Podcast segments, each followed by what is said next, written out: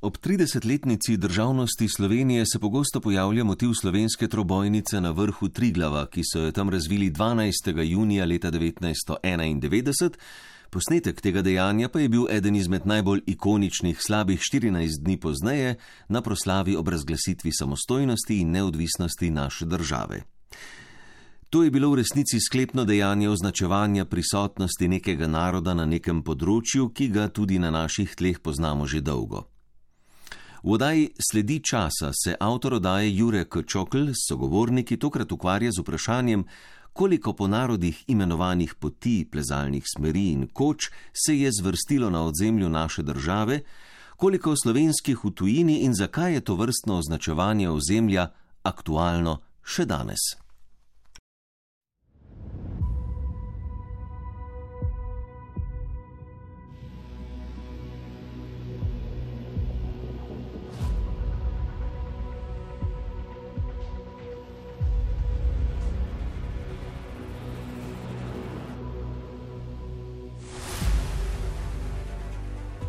Slovenska pot, slovenska smer, slovenska zastava razvita na vrhu po uspešnem usponu.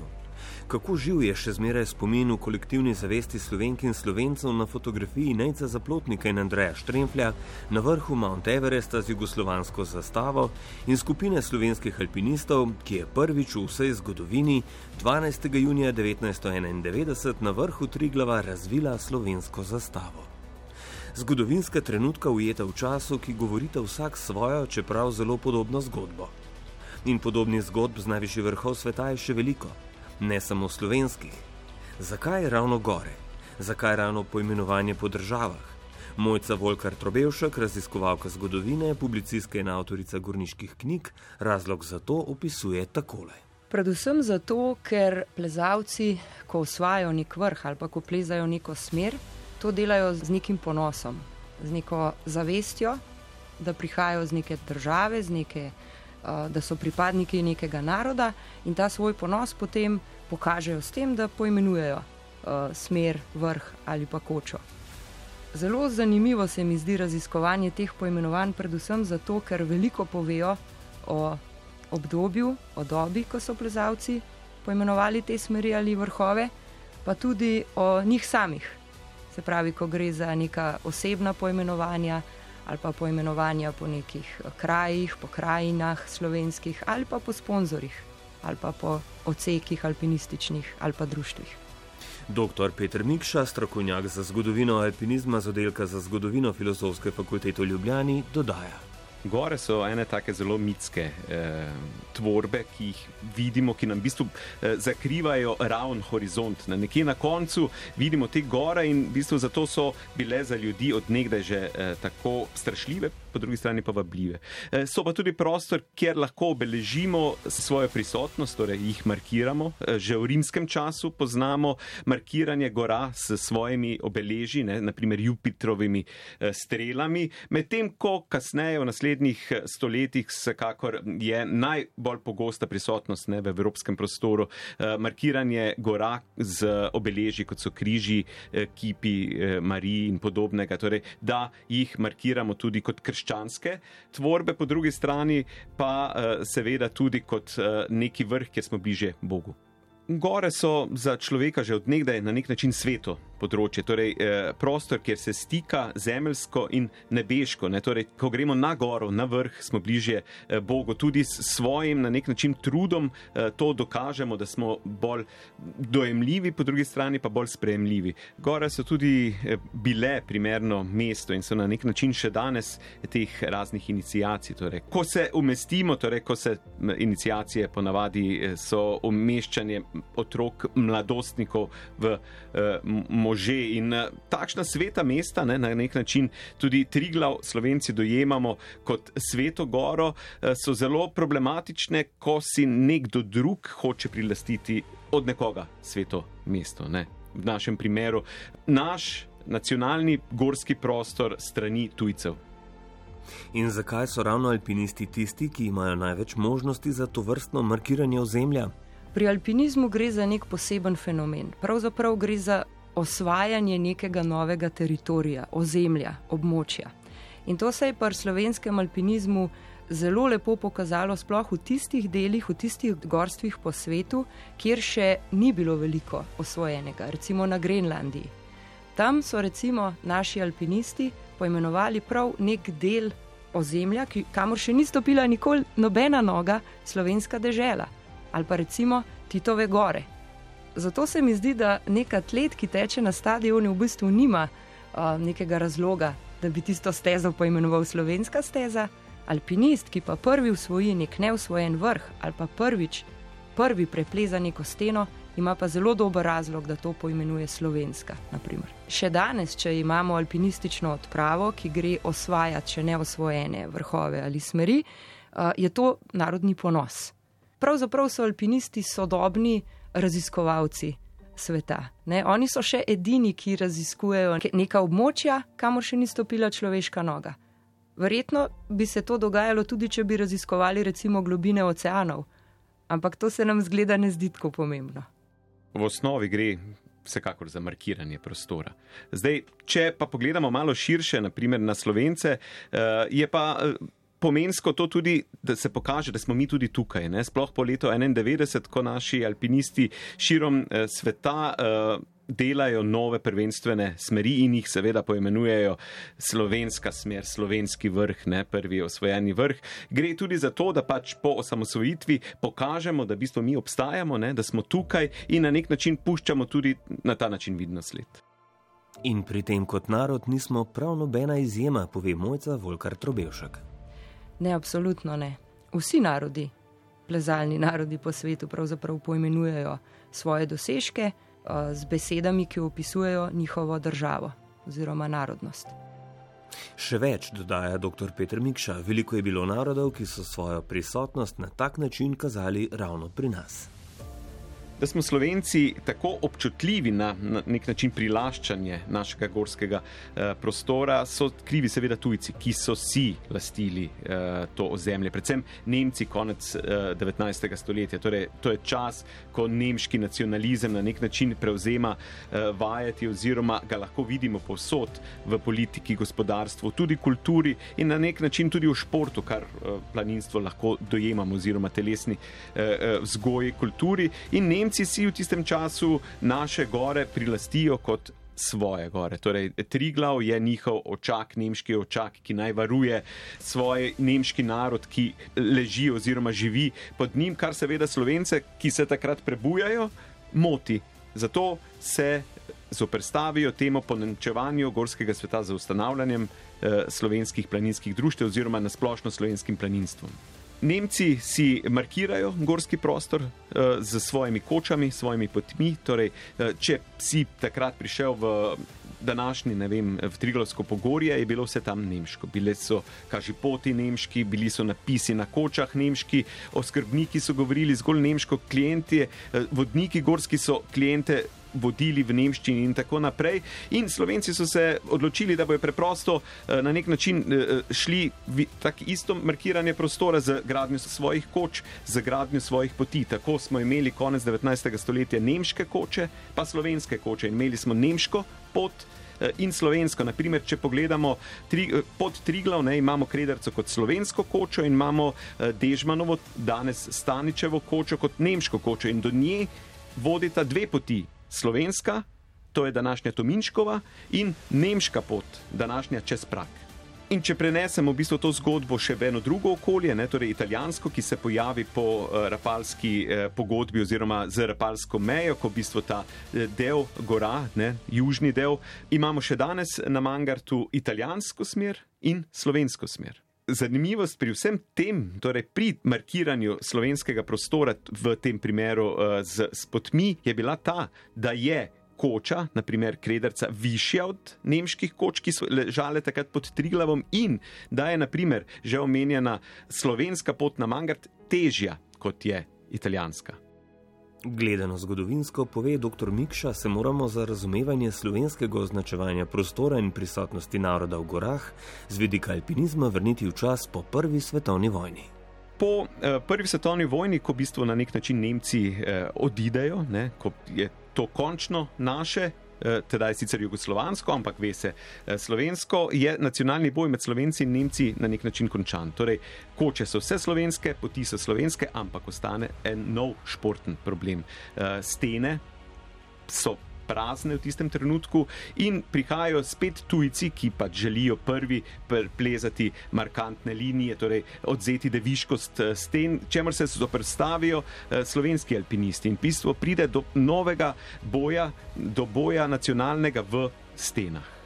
Ta nacionalni boj v stenah, ki ga promovirajo naši mladi eh, alpinisti, ki se, se takrat šele začeli organizirati. To je začetek slovenskega organiziranja v eh, obliki eh, turistovskega kluba Skala, ki nastane 21. leta. In glavni protagonist te ideje je Klement Juk, ki je primorc ki je moral pribežati v Ljubljano in je zato še toliko bolj nestrpen proti tujcem, ki si želijo lastiti eh, slovensko zemljo. In on pravi, ne, prav eh, spodbuja tovariše, prijatelje, so plezalce v tem, da slovenski narod, da mi smo majhni po številu, ampak lahko smo veliki po dejanju in v alpinizmu vidi to priložnost, ker se lahko pokažemo s prvenstvenimi smermi, ker lahko prihitimo tujce, da smo veliki. In v naših gorah so slovenske alpinistke in alpinisti tujce tudi dejansko ne samo ujeli, ampak tudi prehiteli. Potem pa je prišla druga svetovna vojna. Po drugi svetovni vojni se na nek način v svetovnem merilu zgodba ponovi. Ne? Slovenci eh, v sklopu Jugoslavije nekako v alpinističnem pogledu capljamo za velesilami, odpira se Himalaja.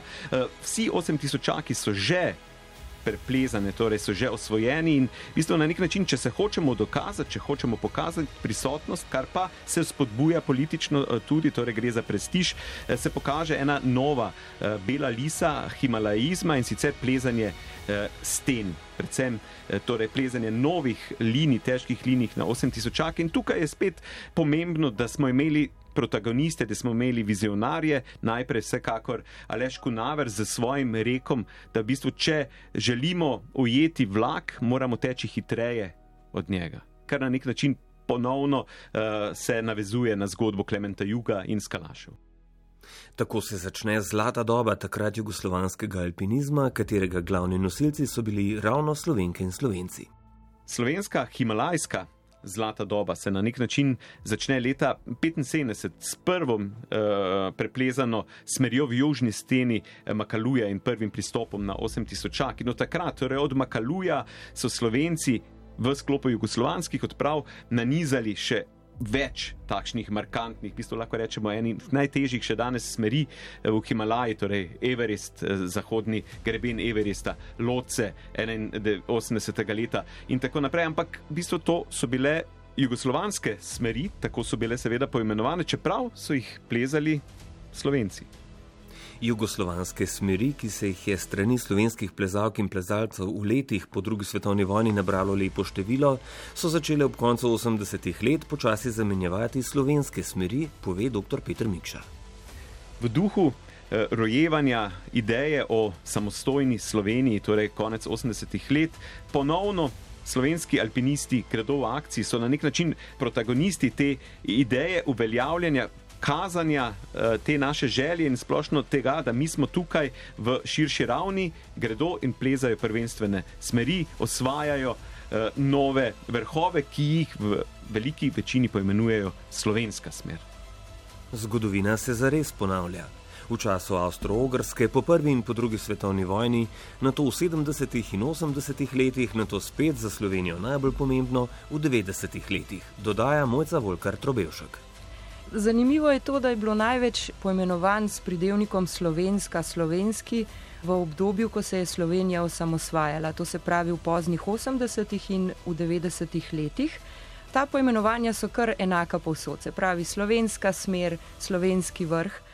Bolj izvirna poimenovanja eh, so pa recimo leta 2006 eh, je nastala smer Piranski zaliv, No, bolj zanimiva poimenovanja so zagotovo uh, po osebnih imenih, se pravi, da na svetu celo obstaja Mojca Pik, to je bilo v Himalaji, potem uh, Boža Pik, tudi v Himalaji, potem imamo že prej omenjene uh, Titove gore na Grenlandiji, imamo celo slovensko deželo in imamo tudi slovensko pot oziroma slovensko stezo uh, v Patagoniji. Zdaj, veliko prvenstvenih smeri je poimenovanih tudi po imenih oziroma priimkih prvih plezalcev. Nekatere so celo poimenovane po sponzorjih. Ampak večina tistih najbolj pomembnih smeri, ki so jih naši alpinisti preplezali, recimo od leta 1988 naprej, se pravi vse velike smeri, na Čoju, Šišapangmo, Žanu, Loce, Bagirati, Kančenzengo, to so pa vse slovenske smeri. Tako da se mi zdi, da, da eh, plezalcem in alpinistom slovenska smer res pomeni presežek. Največ eh, poimenovanja zagotovo v Himalaji, pa v Andih. To se pravi, da smo Slovenci največ plezali v Himalaji in v Andih. Uh, vseh smeri je okoli 160, seveda, raziskovanje teh poimenovanj je zelo nehvaležno, ker nikoli ne veš vsega. Ne? Seveda se opiraš na ustne vire, na pisne vire, ampak recimo, da jih je okoli 160. Uh, večina se jih nahaja v Himalaji pa v Andih, uh, zelo veliko jih je pa recimo tudi na Grenlandiji. Na območjih, recimo uh, bivše Sovjetske zveze, na Novi Zelandiji, se pa čisto vse smeri, ki so jih Slovenci preplezali, imenujejo slovenske. Ko je bila prihajajoča osamosvojitev Slovenije že dejstvo, se je z tega vidika precej logično rodila ideja, ki je na svoj način postavila piko na i označevanju ozemlja, na katerem živimo Slovenci.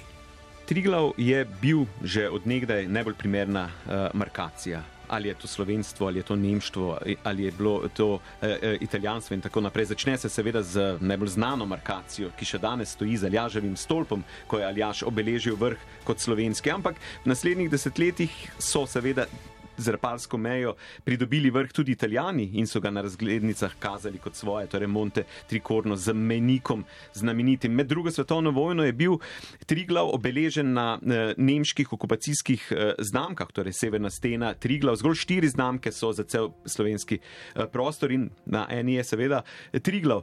Tako je na nek način logično, da se 91. v pričakovanju osamosvojitve tudi Triglav pojavi v tej glavni zgodbi. Torej, ko je potrebno nam prinesti zastavo ob osamosvojitvi. Ostalo je zgodovina, bi lahko rekli. Na najbolj znani in v bistvu pomembni proslavi 25. junija 91. leta, ko smo razglasili samostojnost, smo lahko videli v neposrednem prenosu uh, na televiziji, kako se iz uh, te radosti na trgu republike kažejo tudi slike uh, Triglava z slovensko zastavo. In v bistvu, po mojem mnenju, v takem trenutku nismo mogli boljše pokazati to simbolno eh, pomembnost Triglava in Gora eh, za Slovence. V tistem trenutku smo ponovno ne, z usponom na najvišjo goro, ki predstavlja takrat tudi novo državo, markirali prostor kot slovenskega in v bistvu najbolj močno, najlepše prikazali, da v bistvu ta del spada k slovencem. Če gre za prvenstven pristop, je to zagotovo neko osvajanje teritorija. Če ga potem še poimenujemo slovenski vrh oziroma slovenska smer, potem je to naš vrh, tako, čeprav je v neki drugi državi. Ampak alpinisti vedno, ko usvojijo vrh, se tudi fotografirajo za dokaz in takrat se vedno izpostavi tudi slovenski simbol. Največkrat je to seveda slovenska zastava. Lahko je zelo majhna, lahko je pa tudi ogromna. Odvisno od tega, um, kdo jo prenese gor, pa koliko ima moči. Ta, ki je zaplapolala na samem vrhu Slovenije, je merila v dolžino kar 9 metrov, na vrh pa jo je prineslo in razobesilo kar 22 alpinistov. Tisti dan je bila naša država bolj slovenska kot kadarkoli prej.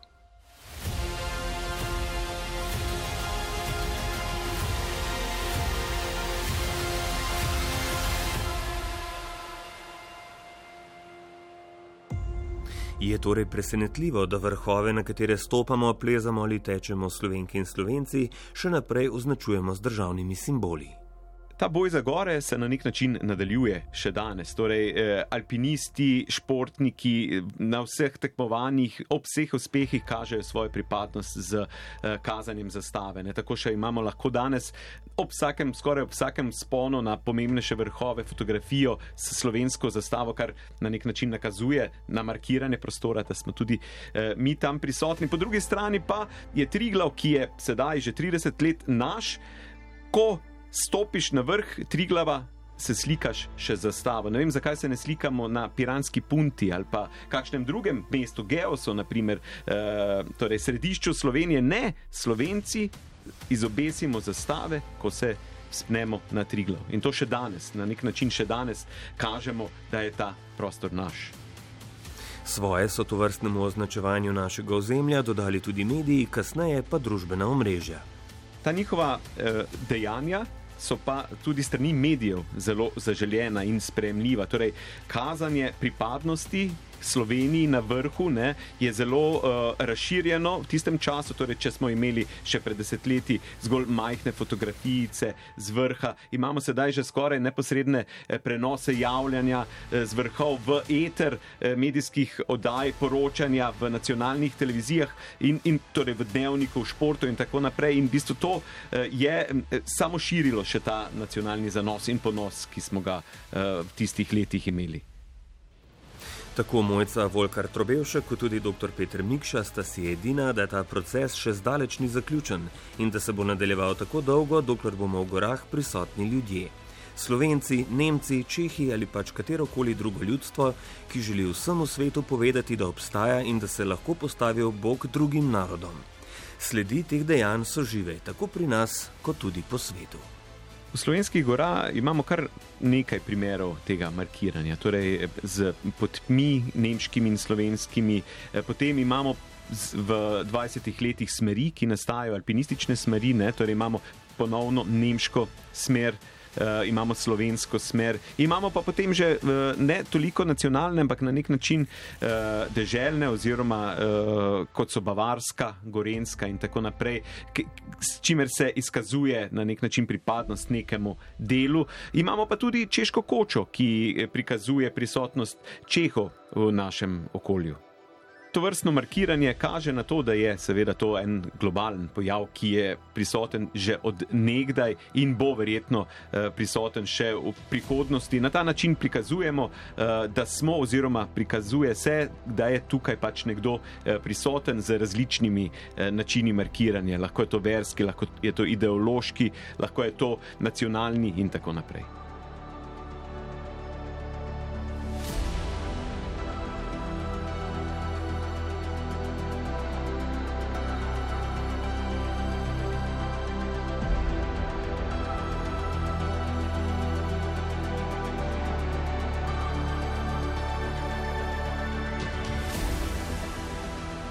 Odajo sledi časa smo pripravili Mojca Volkar Trobevšek, raziskovalka zgodovine, publicistka in avtorica gorniških knjig, dr. Petr Mikša, strokovnjak za zgodovino alpinizma z oddelka za zgodovino Filozofske fakultete v Ljubljani, tonski mojster Miha Klemenčič in avtor odaje Jure Kačokal.